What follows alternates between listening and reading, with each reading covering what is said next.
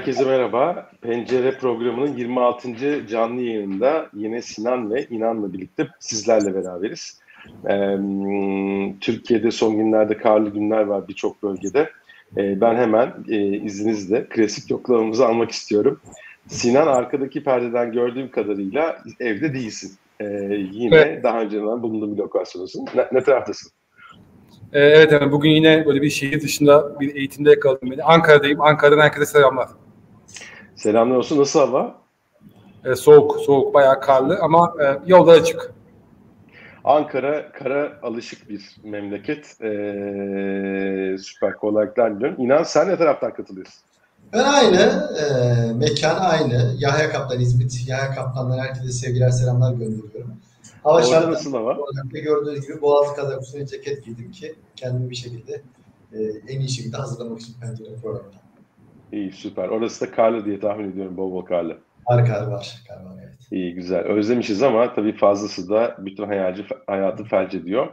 Ee, her şeyin dengesi diyelim. E, dengeden bahsetmişken ki bugünkü konuya e, ben böyle biraz değineyim izninizle.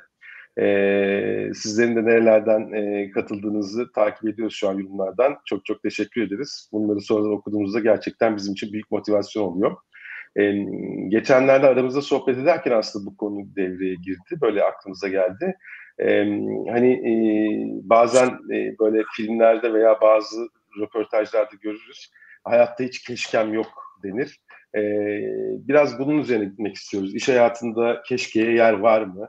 e, bu klişe hani hiç keşkemizin olmaması klişesi gerçekten çok gerçekçi mi? İnsanın keşkelerinin olması iyi bir şey mi, kötü bir şey mi? Olmaması mümkün mü? E, biraz bu sorulara kendi pencerelerimizden cevaplar sunmaya çalışacağız. E, bana sorarsanız keşke dememek için hiç risk almamak gerekiyor ki içinde bulunduğumuz hayatta da bu mümkün değil gibi gözüküyor. Bunun derinlemesine konuşuruz ama ben bir giriş olarak keşkenin biraz böyle kökenine gideyim istedim. E, keşkenin etimolojik olarak incelediğimizde Farsçadan geldiğini görüyoruz e, dilimize. E, kaşki aslında kaş ki ki ayrı bir bağlaç oluyor ya ki ayrı olduğunda kaş ayrı şekilde ki şeklinde yazılıyor. Bu bir temenni bağlacıymış arkadaşlar. Ee, yani e, temenniden kastımız ne? Yaşanmış bir şey üzerine düşünülmüş, bir kanaat getirilmiş ve orada bir dilek sunulmuş. Yani geçmişteki bir durum analiz edilmiş ve geleceğe dair bir temenni sunulmuş. Bunu biraz daha derinleştirmek istediğimizde TDK'ya bakalım dedim. Pişmanlık yakın bir kavram olan, duygu olan pişmanlığa baktık. Geçmişte bir şeyi farklı şekilde yaşasaydık bugün daha mutlu veya daha iyi durumda olacağımızı hissettiğimiz o duygudan bahsediyoruz pişmanlıkta da. Aslında bu örtüşen iki kavramda da ne var? İngilizce'de regret dediğimiz o konuda e, geçmişte yaşadığımız bir şey var. Onun üzerinden e, bugünkü durumu analiz ediyoruz ve geleceğe e, dair de bir temelini geliştiriyoruz. Yani işin içinde biraz gelecek de var gibi gözüküyor.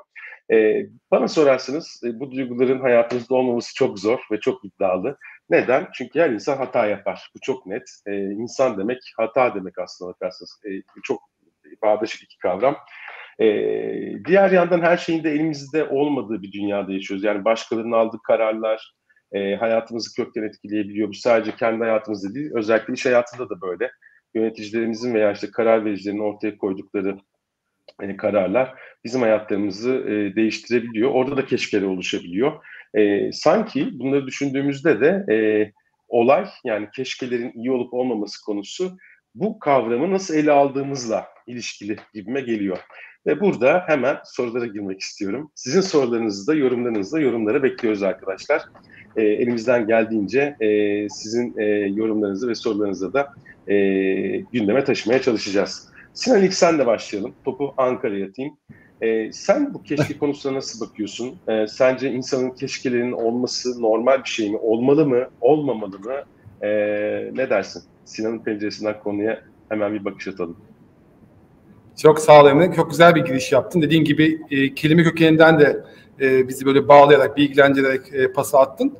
Şimdi e, farkındaysan, hatırlarsan bu konuyu böyle konuşmaya başladığımızda kendi aramızda değerlendirelim derken e, Daniel Pink'in ki Drive kitabıyla işte bize ilham veren Daniel Pink'in bu konu üzerine çalıştığını fark ettik. E, hatta 1 Şubat tarihinde bununla ilgili bir kitabının çıkacağını da öğrendik. Kitabın ismi aslında hani e, pişmanlığın gücü. Baktığımız zaman ve e, kitabının tanıttığı e, yazılara veya tanıtım e, ne diyelim e, bültenlerine baktığımız zaman e, çok hoşuma giden bir kavramla karşılaştım. Diyor ki e, pişmanlık duymayan insanlar sadece beyin hasarı olan ya da sosyopat insanlardır diyor. Aslında baktığımız zaman geri kalan herkesin pişmanlıkları var ve bunlarla düzgün bir şekilde hesaplaşabildiğimiz zaman bunlardan faydalanmak ve ileriye doğru e, ilerleyebilmek mümkün e, şeklinde bir cümlesini gördüm.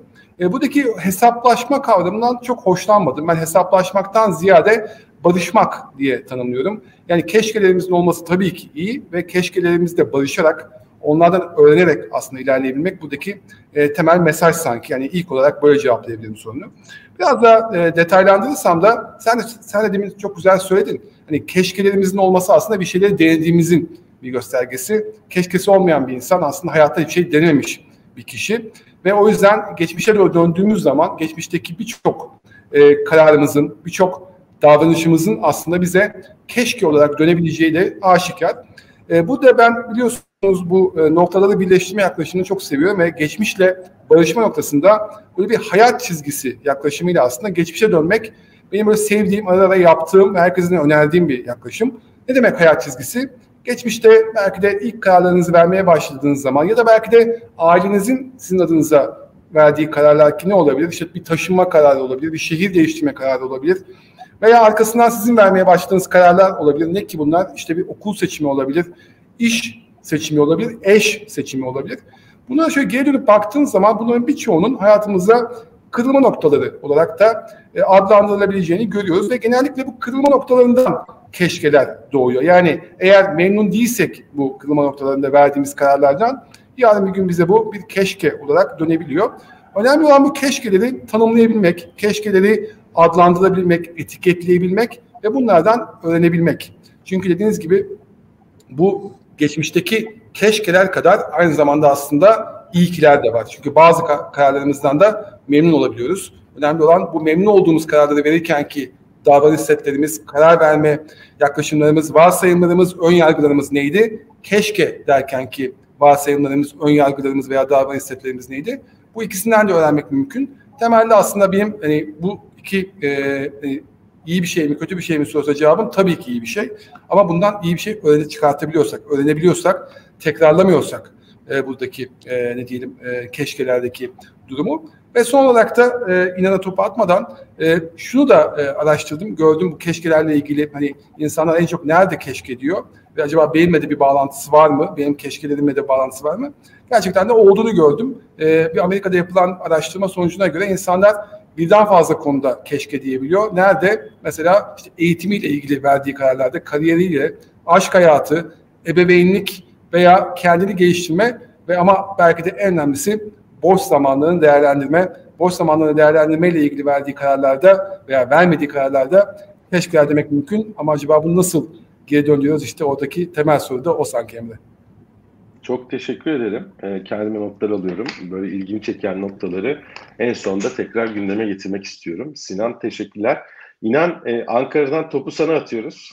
E, İnan Acılıoğlu'nun görüşleri neler? E, hemen e, dinleyelim seni de.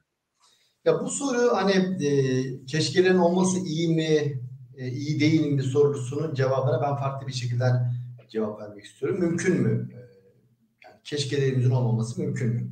E, ve mümkün değil diyorum. Yani e, bir insanın hayatı boyunca farklı kararlar alıyor. Bu kararlar A'ya mı seçeyim, B ile mi ilerleyeyim veya da hiç mi ilerlemiyor, hareketsiz mi kalayım? E, ve sürekli bu tarz kararlar var hayatımızda.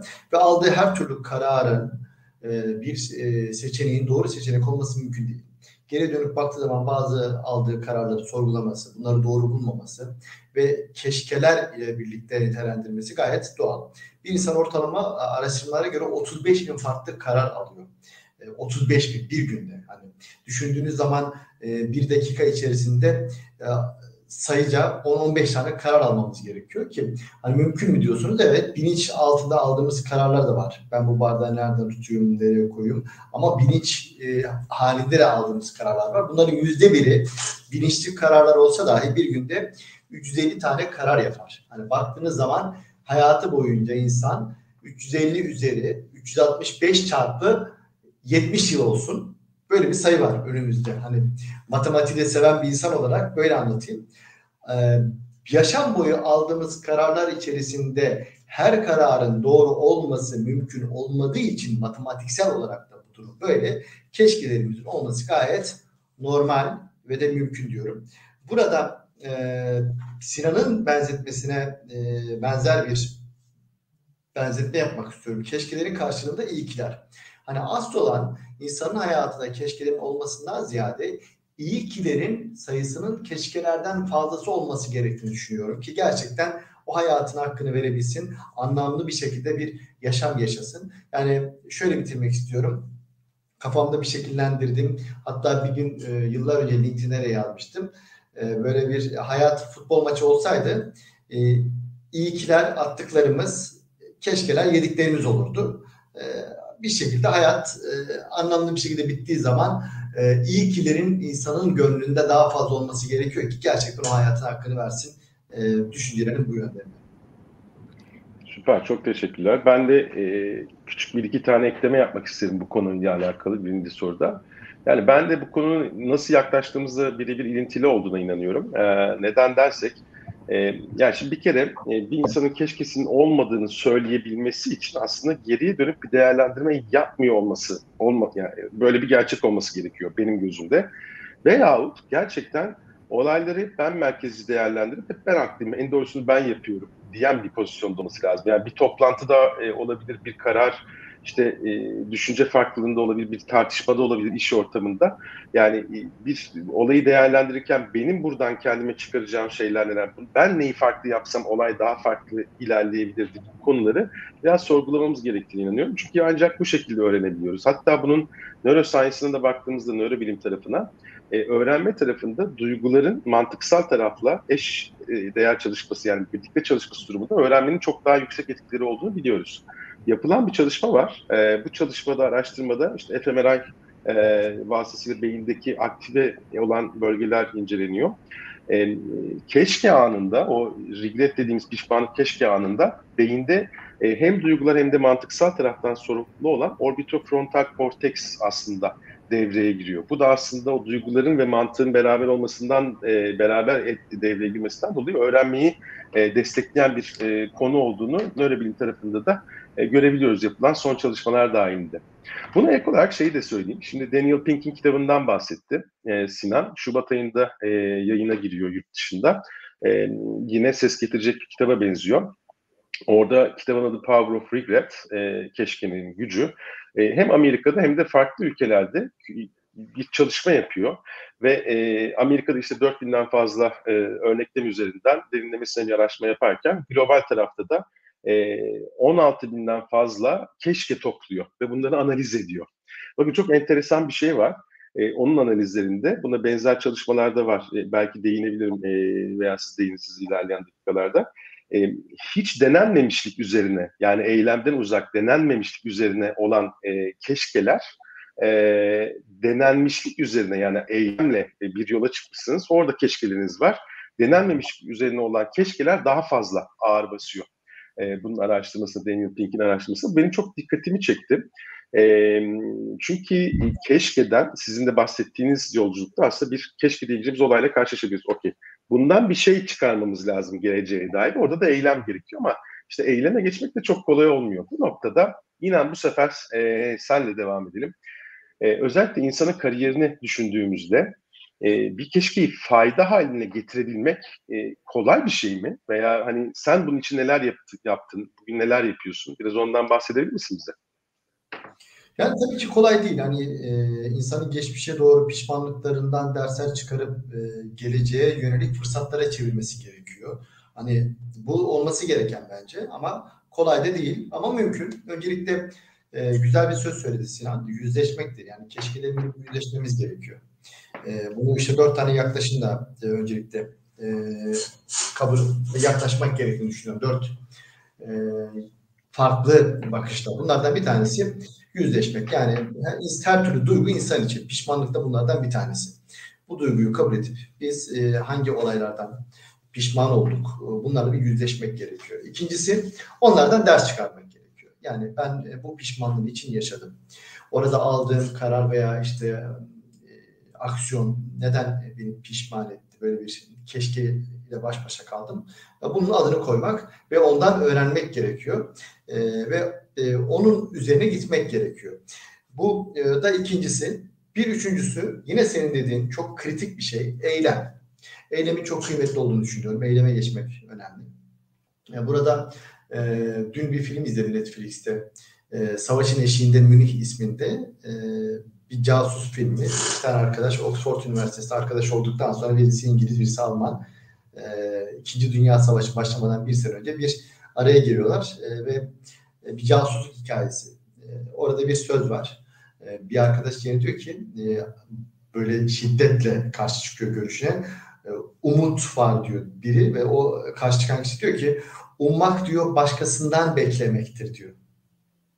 Yani böyle bir düşündüm evet yani. Beklememek gerekiyor başkasından. Eyleme geçmek gerekiyorsun. Yani burada kişinin eyleme geçip açtığı her bir pencerenin farklı pencereler açtığına inanırım.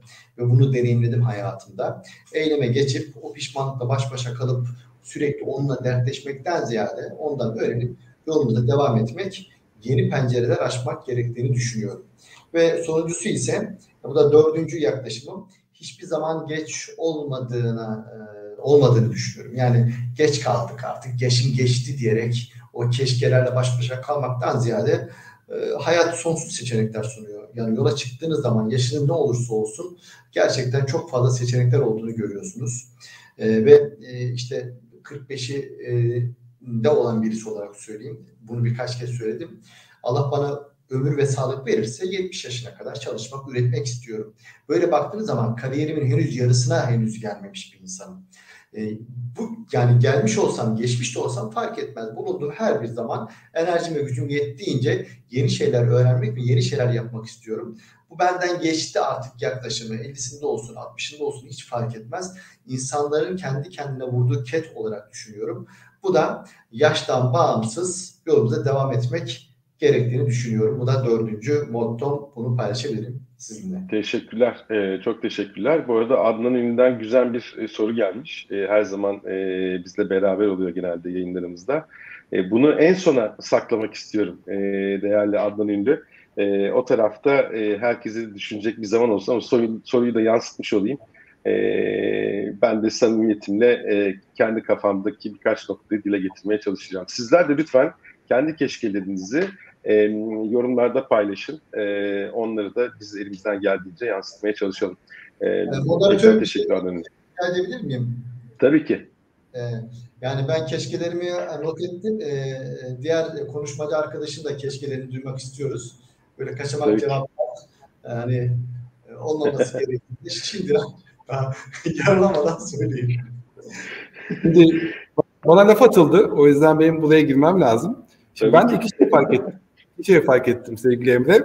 İnan iki şey söyledi ki böyle not aldım. Bir tanesi 70 yaşı iki kere vurguladı. 70 yaşla ilgili bir, bir acaba bir hedefim var diye merak ettim. Hani bir 70 yaşa kadar karar vermekten bahsetti. 70 yaşa kadar çalışmaktan bahsetti.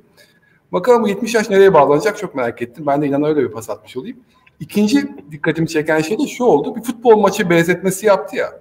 Çok güzel bir bence e, benzetme. Gerçekten de çok hoşuma gitti. Orada hep şunu düşündüm. E, futbol maçlarında böyle çok klasik bir e, cümle vardı ya 1-0 olsun bizim olsun. Yani e, ya, sanki keşkesiz bir galibiyet değil mi? İyi ki bir, keşke sıfır ama sanki hayat yolculuğunda hani attığımızdan bir fazla yemek daha kıymetli gibi geldi. Yani mutlaka keşkeye de ihtiyacımız var gibi geldi. Ben de hani sen söylerken inan onu düşündüm. O yüzden hepimizin keşkesi var tabii ki. O hiç merak etme. Kapanışta kendi keşkelerimi Süper. Tamam. Ee, evet. Sinan bir yani e, bir donma oldu. Süper. Şu an seni yakaladık. Ee, peki e, senin yorumun ne biraz önceki konuya? Yani e, eylem gerektiren bir konu bu. Orada da zorlaşıyor aslında. Yani işte keşkelerden bir artı çıkarmak veya bunu daha e, böyle fayda e, odaklı şekilde ele almak kolay olmayabiliyor. O noktada senin izlediğin bir şey var mı? Veya sana göre bu çok kolay bir şeydir. Hani senin düşüncelerini alabilir miyiz bu konuda?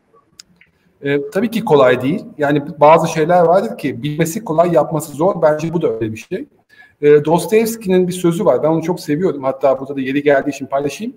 E, diyor ki ilk kez yapılan yanlışa kaza denir. İkincisine hata denir. Üçüncüsüne ise tercih denir diyor. Eğer keşkelerimiz sürekli tekrar ediyorsa, bir tercihe dönüyorsa işte o tehlikeli. O yüzden kazarken veya hataken fark ederek, e, onunla yüzleşerek inanın söylediği gibi e, bunu bir şekilde e, buradan öğrenerek e, bu öğretiyle de aslında düzeltmemiz gerekiyor. Aslında temel yaklaşım benim bu. E, inan dört başlık açıkladı. Ben de biraz iş hayatından örnek vereyim istedim. Hani iş hayatında e, böyle iş hayatında bir fabrikada çalışan bir mühendis olarak atılmış birisi olarak özellikle bir iş kazaları veya işte damak kalalar hayatımızın çok önemli parçasıydı ve e, genellikle hani daha sonra işte keşke dediğimiz, keşke bu olmasaydı dediğimiz aslında basit çoğunlukla iş kazalarının e, bize ne kadar etki ettiğini de görüyorduk. E, buradaki yaklaşım hani isterseniz kök analiz deyin, isterseniz farklı bir metot deyin ama temelde hani e, insanların verdiği kararlardaki e, ne diyelim o e, iyileştirme alanlarını bulmak için yapılan e, yöntemlerden çok da farklı değil. Hani inanın söylediğinde benzer bir model var benim de aklımda. Önce işte bir iyi tanımlamak lazım. Hani orada keşke dediğimiz konu ne gerçekten? Arkasından bunun sebeplerini net bir şekilde ortaya koymak lazım. Belki bir veri analiz diyebileceğimiz bir e, yaklaşımla o problemin, o gerçekleşen hatanın sebeplerini bulmak lazım. Sonra gerçekten de belki B kere neden diye sorarak, belki de farklı yöntemlerle hakikaten buradaki kök nedenle yaklaşımı bence bizi doğru yöne taşıyacak. Sonra da işte dediği gibi e, e, inanın eyleme geçmek. Eylemi ben genellikle ikiye kırıyorum. E, bir eylem belki de ne diyelim bir düzeltici önlem. Hani o keşkeyi belki de e, onaracak bir önlem. Ama bazı e, önlemler var ki hakikaten oluşmasını engelleyici, önleyici e, kararlar veya yöntemler. Bu da tekrarlamasını engelleyecek bir yaklaşım oluyor. O yüzden hani hem düzeltici hem de önleyici e, çözüm yöntemlerini bulmak gerekiyor ki tekrar etmesin bir kez daha. Ve bunlar öğrendiklerimizi de aslında sonrasında kendimizi peki bazı noktalara tekrar o geri, geri dönüp o hayat çizgisine bakarak ben buradan öğrendiklerimi acaba tekrar keşke demeyeceğim şekliyle en azından aynı hata yapmayacağım şekilde e, daha iyi bir versiyonumu ortaya koyabiliyor muyum noktasında her gün ufak böyle çekler yapmak, kendimize tekrar bir bakmak buradaki belki yöntem oluyor. Ben bunu uyguluyorum Emre. Yani özellikle yine toparlayacak olursak önce yüzleşme, arkasından bir kök neden analiziyle sebeplerini bulma, önlemlerini ortaya koyma, arkasından da ara ara dönüp hakikaten işe yaradı mı noktasına bakmak benim kullandığım yöntem oluyor. Harika. Burada aslında sizin söylediklerinizden de gördüğümüz e, aslında e, bir yöntem veya bir adım atarak bunu hayata geçirmek var. İkisi iki yöntemde sonuçta eylem içeriyor ister istemez. Burada yapılan bir çalışma var. Enteresan bir konu. Benim ilgimi çeken bir konu. Neden dersiniz? Kimyasallarla da alakalı bir, bir husus bu. Şimdi e, hatırlarsınız ta ilk programda Pencere biz de Umut'tan bahsetmiştik. Umut'un biyolojisinde çok işte sıkışık olduğumuz, kendimizi baskı altında hissettiğimiz bir ortamda aslında biyolojimiz bizi olumlu kimyasallarla harekete geçirmek istiyor. Orada da eylem, hani buradaki ortak nokta eylemi çağıran bir yapı vardı. Keşke de bu var. Mesela e, Reşit Bey biraz önce e, söylemiş, e, olumlu bir e, anlamda keşkemiz olamaz mı diye. Olabilir. Keşke buna daha önceden başlasaydım. Keşke böyle bir alanı kendim için daha önceden belirleseydim. E, buna hani şükrettiğimiz şeylerimiz de olabilir kesinlikle. E, bu tarafta e, şöyle bir şey geliyor aklıma. Enteresan bir şey bu. Yapılan çalışmada bakın eylemsizlik üzerinden ve eylem üzerinden e, şeyi Daniel Pick'in yaklaşımı e, denemiştik ya. Eylemsizlik üzerinden gelişen e, keşkeler, pişmanlıklar insanlara iyi gelmiyormuş arkadaşlar eylemsizlik üzerine kurgulanmış keşkeler sadece keşke dediğimiz veya ah ah dediğimiz durumlarda e, depresyon veya işte kendimizi suçladığımız, dibe çektiğimiz stresin arttığı okazyonlar, anksiyetenin arttığı durumlar artıyormuş. Neden? Çünkü orada eylem yok. Ama eylemin olduğu yerde tekrar hata olsa bile eylem e, sırasında olumlu kimyasal stresi dengeleyen şeyleri devreye sokabiliyoruz. Bir. İki, durmadan bir öğrenme var. Durmadan bir e, ilerleme var e, tökezleyerek de olsa bir ilerleme mevcut. O yüzden eylem tarafı yine o altın çizmek istediğim bir konu oldu. Eylemsizlik keşkeleri biraz daha zararlı hale getirebiliyor eninde sonunda. Peki, e, şimdi mesela burada enteresan bir husus daha var. Ne yapıyoruz? Başkalarını dinliyoruz, başkalarını okuyoruz vesaire işte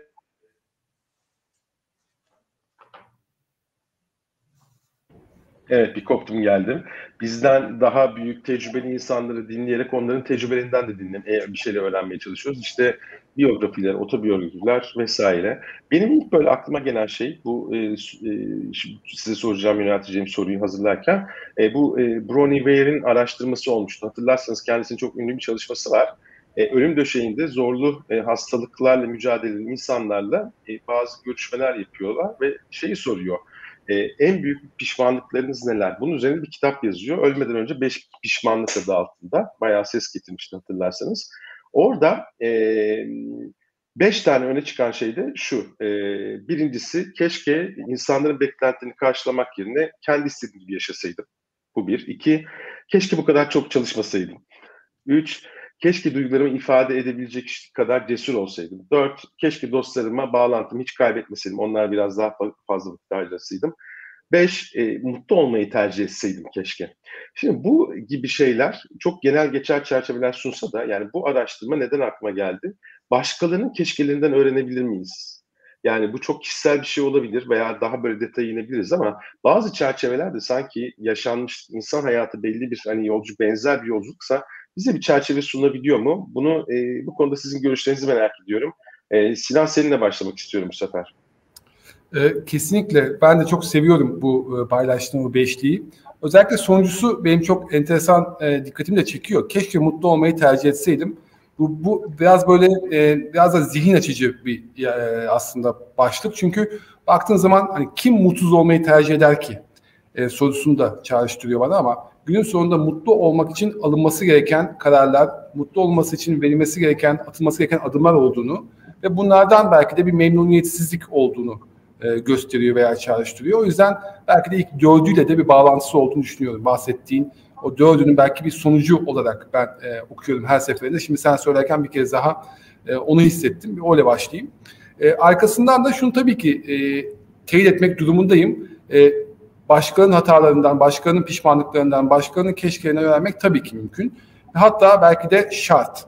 E, bugün yazdım. Eleanor Roosevelt'in çok güzel bir sözü var. Diyor ki, başkalarının hatalarından ders alın. İnsan bütün hataları kendisi yapacak kadar uzun yaşamıyor. Yani o yüzden her hatayı kendimiz yapmaya kalkarsak zaten o inanın deminki o 36 bin değil mi? E, hata kararındaki e, oranları böyle bir düşünecek olursak e, hepsini kendimizin yapma ihtimali olmayacağı için başkalarından öğrenmemiz buradaki bence çok değerli bir kaynak. Ve aynı zamanda şöyle daha da e, güvenli bir liman. E, demin konuşurken birkaç kere hem ben hem inan hem sen o yüzleşme kelimesinden bahsettik. Yüzleşme kelimesinin şöyle bir e, zorluğu var. Tabii ki yüzleşmek demek bir şeyi kabullenmek demek. Kabullenmek demek aslında çoğunlukla da hata yaptığını kabullenmek demek. Eğer keşfediyorsak. E, bu da kolay değil. Yani dedim demin de dediğim gibi hani söylemesi kolay, yapması zor şeylerden bir tanesi. Fakat e, iyi haber şu, başkalarının keşkeleri, başkalarının hatalarını kabullenmek daha kolay. Onlarla belki de yüzleşmek daha kolay. Bunları okumak daha kolay. Bunlardan ders çıkartmak daha kolay. O yüzden hani oradaki çabayı, eforu ve bize e, getireceği o yükü düşündüğümüz zaman e, başkalarının hatalarını iyi okumak, iyi gözlem yapmak, iyi kaynak araştırması yapmak ve hani bunlardan öğrenmek bence çok kıymetli. Bu içinde sayısız kaynak var. Yani bugün artık e, işte internetin belki de bize sağladığı temel e, fayda, faydalardan bir tanesi diyelim. Bu e, hem başarı hikayeleri hem de başarısızlık hikayeleri çok daha rahat ulaşabiliyoruz evde. Yani o başarısızlık hikayeleri de bize birçok kişinin kendi keşkinlerini gösteriyor. E, bunların birçoğu o kişiler tarafından büyük bir ne diyelim e, özgüvenle, cesaretle açığa çıkartılıyor. Bunlar söyleniyor. Bunlardan öğrenmek mümkün. De söylenmeyenleri de böyle belki de okumak mümkün. Arka planına bakmak mümkün. E, buradaki hataların aslında ne gibi yeni fikirlere, yeni e, ne diyelim e, icatlara, yeni e, hizmetlere dönüştüğünü anlamak mümkün. E, o yüzden hani uzun lafın kısası mutlaka mutlaka başkalarının hatalarından ders çıkartmak lazım. Bunun için de gerçekten de e, efor sarf etmek lazım ki o hatayı öncelikli olarak biz de yapmayalım, tekrarlamayalım. Arkasından da o kişilerin hatalarından çıkarttığımız derslerle daha iyi kararlar verebilirim. Süper, çok teşekkürler. İnan, senin eklemelerin, çıkarmaların, yorumların var mı? Senin pencerenden bakınca konu nasıl gözüküyor? Ya ben biraz farklı düşünüyorum bu konuda ee, sevgili Emre. Yani insanların, başkalarının başarısızlıklarından öğreneceklerimiz olabilir ama herkesin keşkesinin kendisine özgü olduğunu düşünüyorum. E, bir Rus yazardı galiba. Hangi, hangi yazardı, hangi kitabı da bilmiyorum ama şöyle bir girişi var. Bütün mutlu evlilikler birbirine benzer. Bütün mutsuz evliliklerin kendine özgü hikayesi vardır diye girer. Yani burada herkesin e, keşkesi kendine. E, burada herkesin kendi e, yaşadığı pişmanlıklar e, aslında kendi ruh durumu ve kararları, e, tercihleriyle şekilleniyor. Bu nedenle başkalarının keşkelerinden öğrenmek bana çok böyle e, anlamlı gelmiyor. Başarısızlıklarından sonuna kadar faydalanmalıyız. Onları dinlemeliyiz. Ama kendi keşkelerimiz kendimize.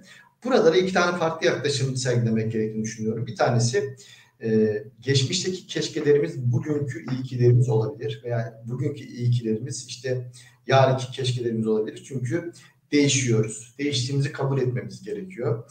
E, ve e, pişmanlık duyduğunuz bazı şeyler yarın bir gün gerçekten mutluluk kaynağımız olabilir. Bunu bir kabul etmek gerektiğini düşünüyorum. İnsanın kendi keşkeleriyle e, kalırken baş başa ve geçmişte yaptıklarını değerlendirirken o günün şartlarına göre değerlendirmesi gerektiğini düşünüyorum. Burada Ali Poyrazoğlu'nun bir yazısını okumak istiyorum size.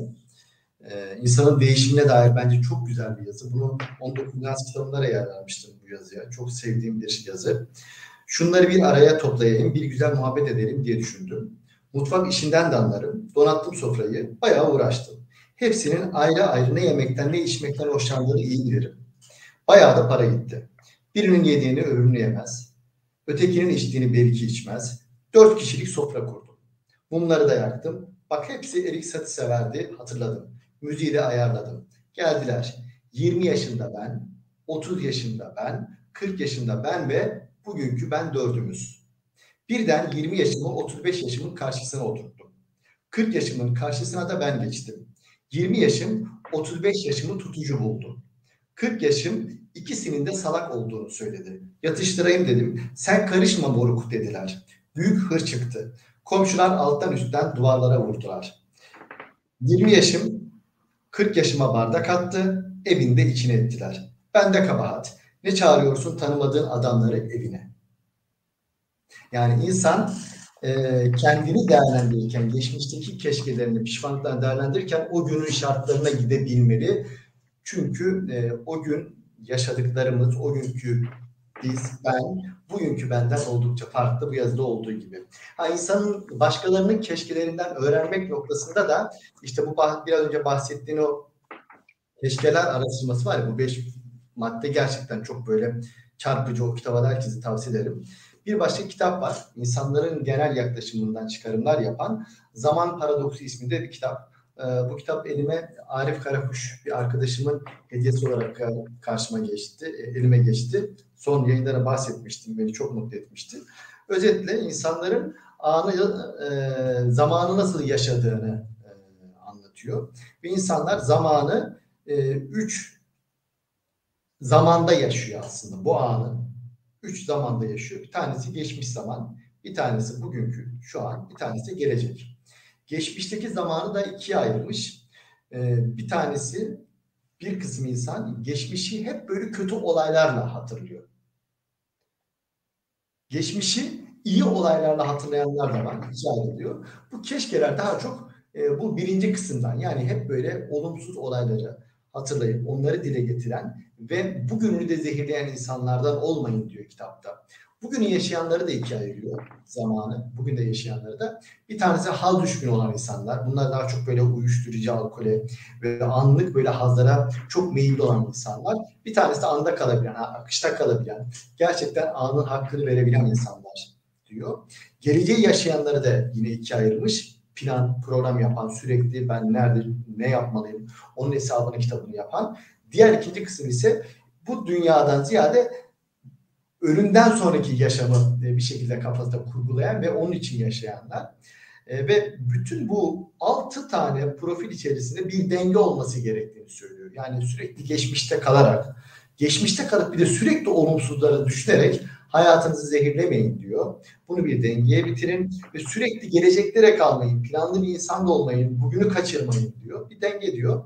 Burada hani e, başkalarının bireysel keşkelerinden ziyade işte senin bahsettiğin o e, beş maddelik e, araştırma veya zaman paradoksunda bahsedilen geçmişte yaşayıp ama olumlu şeyleri daha çok ön plana çıkarma herhalde benim kendi adıma insanların keşkelerinden çıkaracağım dersler olurdu. Süper, çok teşekkürler. Şimdi Ali Poyrazoğlu'nun hikayesini dinlediğimde 70 yaş hakkında da bir şey bekledim. Sinan'ın pasını alarak hemen şey yapayım. Şaşırttın bizi inan. E, o 70 yaşı bir konuşalım. E, o 70 yaşı bir konuşalım.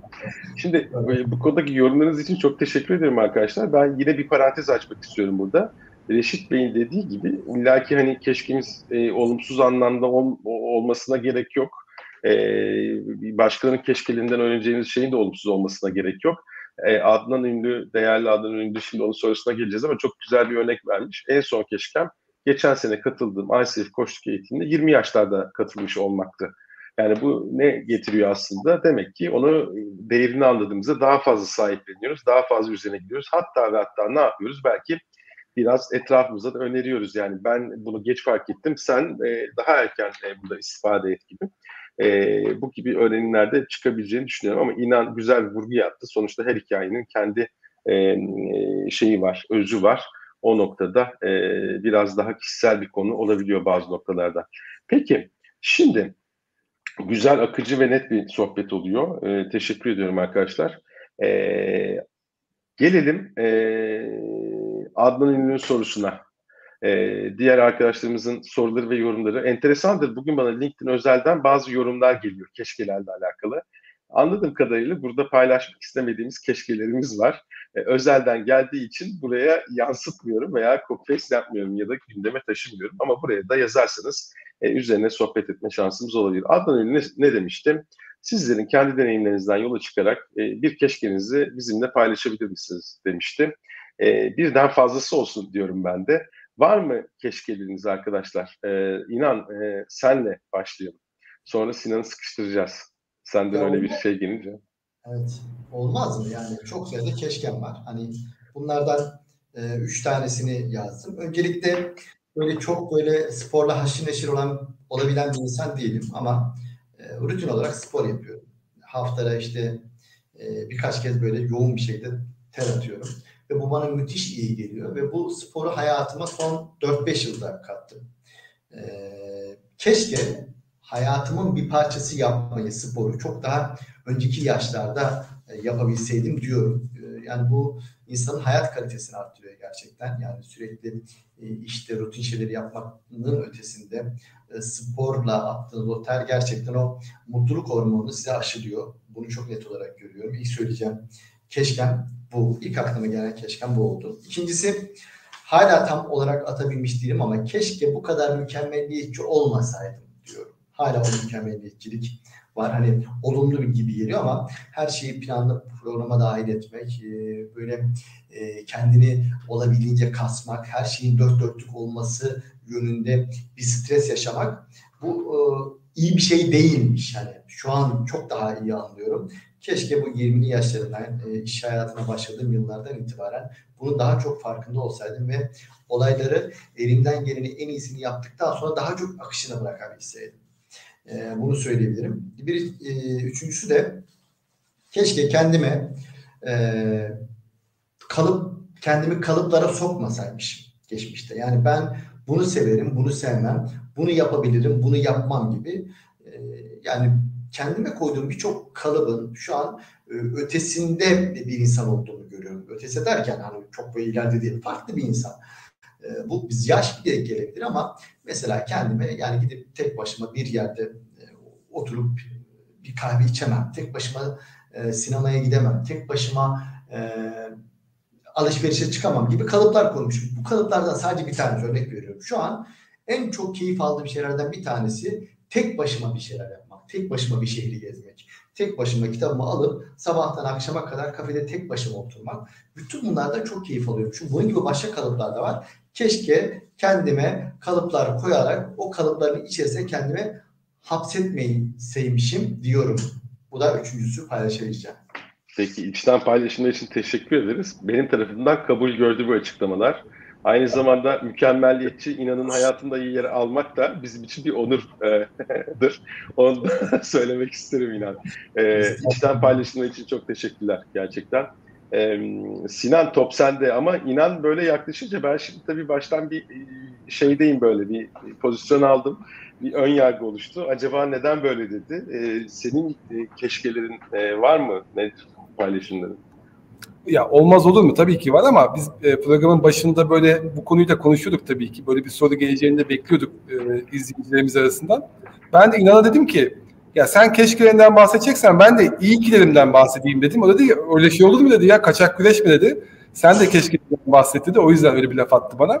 Ama ben tabii ki keşkelerinden bahsedeceğim. Ee, yani inanın e, söylediklerine altına ben de imza atabilirim bu arada. Hani söyledikleri benim de keşkelerime e, dokunuyor. E, spor kısmı özellikle ama ben tabii farklı şeylerden bahsedeyim. E, ben bugün e, en çok keyif aldığım şeylerden bir tanesi hayatta arkadaşlar yazı yazmak. E, az çok tahmin edebiliyorsunuz. Hani e, işte LinkedIn'deki özellikle bu iki yılı aşkın süreden beri e, her gün yazı yazı yazıyor olmak ve, ve bu mecra üzerinden aslında başta size olmak üzere birçok kişiye ulaşabiliyor olmak beni çok mutlu ediyor. Bu benim aslında yeni başladığım bir hikaye de değil. Ee, bazı e, programlarda da bazen bahsediyorum. 2009'dan beri yazıyorum ben aslında. 2009'da açtım ilk blogumu. İki yıla kadar, e, iki yıl süreli de e, yoğun bir şekilde yazdım. Bu kadar yoğun olmasa da e, bir blog e, sayfasında. Ama sonrasında bir ara verdim ve o ara verdiğim e, yaklaşık işte belki de e, nereden baksanız bir e, 8-9 yıl hep içi içime yedi. Yani dedim ki keşke tekrar yazabilsem, keşke tekrar başlayabilsem ama işte o atalet durumu, e, eylemsizlik durumu e, rahatsız etti ve yapmadım, yapamadım. Yani bir türlü önceliklendiremedim. Ama ne zaman işte yazmaya tekrar başladım, dedim ki ya keşke daha önce başlasaymışım. Keşke daha önce e, bu şu anda sahip olduğum e, alanı yaratabilseymişim. Keşke sizinle daha önce tanışabilseymişim arkadaşlar Emre İnan. Ve tabii ki beklediğiniz gibi keşke biz bu pencereye daha önce başlasaymışız. E, belki bu formatta olmazdı, farklı bir formatta olurdu. Belki de bu formatın oluşmasında pandeminin büyük bir etkisi oldu ama e, keşke e, bu tarz bir e, diyelim tanışıklık, network daha erken başlasaydı. Bu ilk keşkem, inan bilmiyorum beğendim mi? E, ama ikinci keşke de birazcık aslında yine beni geçmişe götürüyor. E, biraz hani biliyorsunuz iki yıldan beri biraz daha e, ne diyelim kurumsal hayatın dışında e, yüzmeye çalışıyorum. E, biraz danışmanlık dediğimiz taraftayım. Ve e, şunu görüyorum ki girişimcilik kası çok lazım burada. Çünkü yeni fırsatlar kovalamak lazım, yeni iş olanakları yaratmak lazım, ulaşamadığınız kişilere ulaşmak lazım. Ve şunu fark ediyorum, e, benim girişimcilik tarafım aslında çok kuvvetli değil. E, ve bu da aslında bana yine şu keşke dedirtiyor. Keşke ben bunu daha önce deneyimleseymişim. Keşke ben bunu daha önce e, eksiklerimi görerek e, birazcık daha güç, güç yani güçleştir e, diyelim kuvvetlendirecek şekilde aksiyonlar alsaymışım ki belki bu kadar zorlanmazmışım diye düşünüyorum. O yüzden girişimcilik tarafındaki o zayıflığım e, bugün benim bir keşkem. E, burada kendimi çok rahat hissetmiyorum hala. E, oradaki e, kurumsal taraftaki e, yaklaşımlarım, e, düşünce yapım e, hala ön plana çıkıyor. E, yaptığım danışmanlık tarafında da kurumsal firmalarla çalışırken çok daha rahat hissediyorum onlarla e, konuşurken. Onlarla diyelim e, işleri, e, e, projeleri konuşurken. Hani bu da benim ikinci keşkem olsun. E, girişimcilik tarafına keşke daha e, odaklanabilseymişim. Keşke buradaki e, diyelim e, zorlukları daha önceden öngörebilseymişim ve kendimi geliştirebilseymişim. Ama buna yönelik bir şey de dinledim geçenlerde. Hani herkes girişimci olmak zorunda değil. E, belki de ben o tarafta kalacağım. E, ve fakat bunun da e, demin e, İnan da söyledi ki e, bazı keşkelerimiz yarın bir gün iyi ki olabilir. Geçmiş iyi kilerimiz bugün bir keşkeye dönüşebilir. Bugün keşke diyor ama belki ileride bu iyi ki olacak. E, onu da bilemiyorum. Ama dediğim gibi benim ilk aklıma gelen keşkeler bunlar. Bilmiyorum İnan ne dersin? Vallahi e, şey e, can evimizden bizi vurdun Sinan ne diyeyim yani. Yani pencere programı gerçekten bizim için çok kıymetli. E, ben bugün enteresan bir enerjisizlikle uyandım ve tüm günüm öyleydi açıkçası. Yani çok olmaz bana. Hani beni tanıyanlar bilir. Hareketliyimdir, bir şeyler yaparım vesaire. Bugün böyle kalkamıyorum yerimden yani. Ve e, Emre'yi de aradım. Emre dedim yani bugün ben kazınmasam olur mu? Emre dedi hiç yüz alamadım. Yok dedi. Beni motive etti. Sonra dedim ki abi biz üçümüz bir araya gelince zaten bir enerji buluyoruz dedi yani. Gerçekten de öyle yani. Şu an bambaşka bir moddayım. Bu bir saat e, başladıktan o bir saat sonuna kadar beni çok farklı bir yere getiriyor. Hayatında çok önemli bir yere sahip bence. Sizler de öylesiniz. E, hani o keşkeyi de çok beğendim. Yerinde buldum Sinan. Çok teşekkürler. Her ekiplere buradan teşekkür ediyorum varlığınıza. E, izin verirsen sözü sana vermeden e, bir yerden de bağlamak istiyorum. Çünkü e, özellikle keşke ile iyi ki arasındaki farktan çok bahsettik. Bir de böyle hakikaten benim e, hayatımda çok önemli olduğunu düşündüğüm yine madem e, kendi hayatımızdan da bahsediyoruz. O keşke iyi ki'ye dönüştüren bir örneğim daha var. Onu da paylaşmak istiyorum. E, belki de hani eğer inan e, beni böyle birazcık da e, diyelim motive etmeseydi ağırlıklı olarak bundan bahsedecektim çünkü. O da daha önce bahsettiğim bir hikaye. E, benim abimin e, şu anda Amerika'da yaşıyor. E, 21 yıla yaklaştı, 22 yıla yaklaştı. E, ve orada e, çalışıyor, hayatını devam ettiriyor. Onun e, bu karar verme aşamasındaki bir yaklaşımı benim için çok e, dediğim, ilham verici bir yaklaşımdı. Ve yine tam bir aslında keşke noktası sanki. Ve senin de söylediğin gibi o eylemsizlik keşkeleriyle eylem keşkeleri arasındaki farkı da anlatan bir e, örnek. Demişti ki o karar verme aşamasında yarın bir gün vermediğim do vermediğim bir karardan dolayı pişmanlık duyacağıma verdiğim bir karardan dolayı pişmanlık duyayım diyerek e, yurt dışına gitme kararı almıştı. Bu sadece yurt dışına gitme kararı olmak zorunda değil. Hani bir e, işi yapmak ya da yapmamak noktasında e, yarın bir gün pişmanlık duyacağınızı düşünüyorsanız her iki tarafta da e, her zaman bir şeyi yapmak e, pişmanlığı azaltıyor. Ben de aynı fikirdeyim. Çünkü bu ilham verici karar benim de önümü açtı. Benim de yurt dışında yüksek lisans yapma karar verme noktasında bana ilham verdi. Ben de e, keşke dememek adına e, o kararı verdim ve bugün iyi ki diyorum. İyi ki o kararı vermişim. E, ve hani o keşke ile iyi ki arasındaki belki ince çizgi e, bu diye düşündüm. O yüzden bununla paylaşmak istedim. Süper. Çok teşekkür ederim bu içten paylaşımlar için. E, dinleyicilerimizin, izleyicilerimizin de keşkeleri var. E, bir tanesi de mesela gençlerin geleceğinden bahsedilseydi tarzda bir şey var. Buna değindiğimiz bir Z kuşağıyla e, hatta o kuşaktan arkadaşlarımızla bizzat toplandığımız bir program vardı Selahattin Bey. E, bu gibi konuları e, zaman zaman onları davet ederek aslında konuşmaya özen gösteriyoruz. E, ama bugünkü e, çerçevemiz, penceremiz e, bu açıdan bakıyor. E, içinizde tutmadığınız, e, negatife çevirmediğiniz, bizle paylaştığınız için teşekkür ederiz. Ben de izninizle kendi keşkelerimden, ilklerinden böyle çok kısa bahsedeyim. E, ben de notlarımı aldım. E, şimdi kronolojik olarak baktığımda hayatıma, benim hayatımda mesela bir kırılma noktası ben hiç farkında olmadan aslında e, ilk böyle e, spora, kursa gönderilme e, zamanımmış. Kimse bana bir şey sormadı. Beni basketbola gönderdiler. Basketbolda bir yerlere geldim işte iki tane farklı takımda oynadım. Uluslararası turnuvalara katıldık falan filan. Ama e, sonradan Yelken'le tanıştım. E, ve o zaman dedim ki keşke bunu daha önceden bana anlatan, gösteren biri olsaymış. Ailemde hiçbir öyle biri yoktu. E, ve sonrasında ne yapmaya çalıştım kendimce? E, burada adımlar atmaya çalıştım. Geç de olsa hayatıma dahil ettim ve e, kendi başıma, kendi becerimle, yöntemlerimle hayatımda belli şeyleri kendimce başarmaya çalıştım diyeyim. E, bu e, olumlu keşkelerinden biri. Keşke daha önce başlasaydım. Keşke bu yolda beni yönlendiren biri olsaydı dediğim bir konu. İkincisi e, kitap konusu. Yani benim kitaplarla aramın iyileşmesi biraz zaman aldı. Lisede de, e, üniversitede de, yani özellikle lisede bizde sınav konusuydu kitaplar. Yani kitap okurdun, sınavda çıkardı, kitap okurdun, sınavda çıkardı. E, o tarafta bir soğukluk yaşadığımı hissediyorum kitapla aramda. E, sonrasında üniversitede biraz daha merak, yani merak ettiğim böyle kitabı alıyordum. Mesela ben Ankara'da okurken Bilkent'te bir çok güzel bir Remzi kitap evimiz vardı. Çekiyordum istediğim başlığı, tak tak bakıyordum. E, kütüphanemiz çok iyiydi. Merak konularımı daha erken keşfedebilmek isterdim. O benim hayatımda çok farklı yönlere gitmeme neden olurdu ama artık bu konuda yapabilecek bir şey yok. Sonradan attığım adımlarla bunu ortaya koymaya çalışıyorum. Bir de hala baş edemediğim, baş etmekte zorlandığı bir keşkem var. Tüm samimiyetimle söyleyeyim. Hayır demek konusu. E, hayır demekte zorlanan biriyim. Bunun bazen zamansal bazen de duygusal yüklerin üzerinde taşıdığımı itiraf etmem lazım. Her geçen sene bu tarafta somut adımlar atarak biraz daha e, o tarafı dengeleyecek e, şeyler yapmaya çalışıyorum ama bazen biri geliyor mesela bir şey tartışıyoruz çok net bir şekilde ve hiç kırmadan hayır diyor. Diyorum ki ne güzel bir meziyet. Keşke onun gibi olabilsem ve bu kadar net bunu paylaşabilsem diyorum. Neyse benimkiler de böyle olsun. Ee, benim için çok samimi bir sohbet oldu. Ee, bu soğuk kış akşamında sıcak bir sohbet oldu. Benim de keşkelerimden biri sizlerle e, daha önceden tanışmış olmakta arkadaşlar. Sinan da buna değinmiş oldum. Şimdi nelerden konuştuk? İşte e, keşkelerden konuştuk.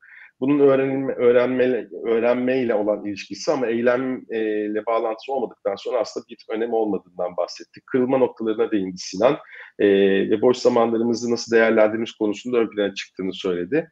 İnanın anlattıklarından böyle ilk aklıma gelen spor şey aslında e, e, attıklarımız ve yediklerimiz, e, iyiliklerimiz ve keşke, keşkelerimiz tarafı vardı. E, bunların üzerinde durduk, durduk ve bu tarafta da bunları konuşurken Daniel Pink'in yeni çıkacak kitabına da değindik. E, The Power of Regret, Keşkelerin Gücü adı kitabı. E, o tarafta e, bahsettiğimiz araştırmaya e, hani hatırlamakta fayda var. Eylemsizlik üzerinden geliştirilen keşkeler başka bir araştırma diyordu ki zaten bu insan üzerine işte e, daha yüksek stres etkisi yaratıyor veya depresyonu destekliyor, güçlendiriyor. E, Daniel Pink de diyordu ki e, eylemsizlik üzerinden oluşturulan keşkeler eyleme geçirilmiş süreçlerdekilerden daha ağır basıyor. Yani burada eylem e, yine ön plana çıkan bir konuydu.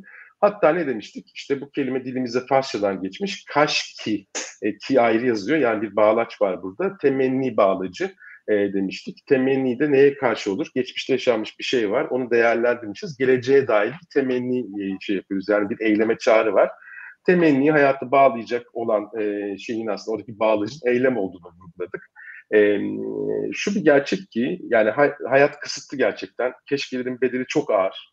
Yani bu noktada e, bir tane kariyerimiz var, bir tane hayatımız var. Kontrolümüzün dahilinde olan şeyleri ayrıştırıp etki alanımızda olan şeylere odaklanıp aslında bazı keşkeleri ayrıştırıp oralarda adımlar atabileceğimize e, inanan e, üç kişiyiz. E, bu noktada da yine sizin sözlerinizden esinlenerek böyle aklıma gelen bir e, ünlü e, sözden bahsetmek isterim. E, bu ismi hep aklımdan gidiyor. Bir e, e, filozofumuz var. Sören e, Kier e, Kegard'dı galiba. Maalesef valla e, durmadan o soyadı telaffuz tarafında zorlanıyor. Ne diyordu? Yaşam, hayat geriye bakarak anlaşılır. ileriye bakarak yaşanır. Yani bu tarafta aslında e, belki sizin söylediklerinizden de aklıma gelen bu e, söz sözü e, kullanabilirim diye düşündüm.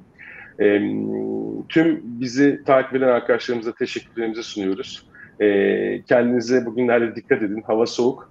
E, sağlığınıza dikkat edin lütfen. Ben yine hastalıktan kalktım. E, bir ağır bir nezle geçirdim maalesef. E, Sinan İnan içten paylaşımlarınız için size çok teşekkür ediyorum. Eksik olmayın. E, ve hepinize güzel bir akşam diliyorum penceremden.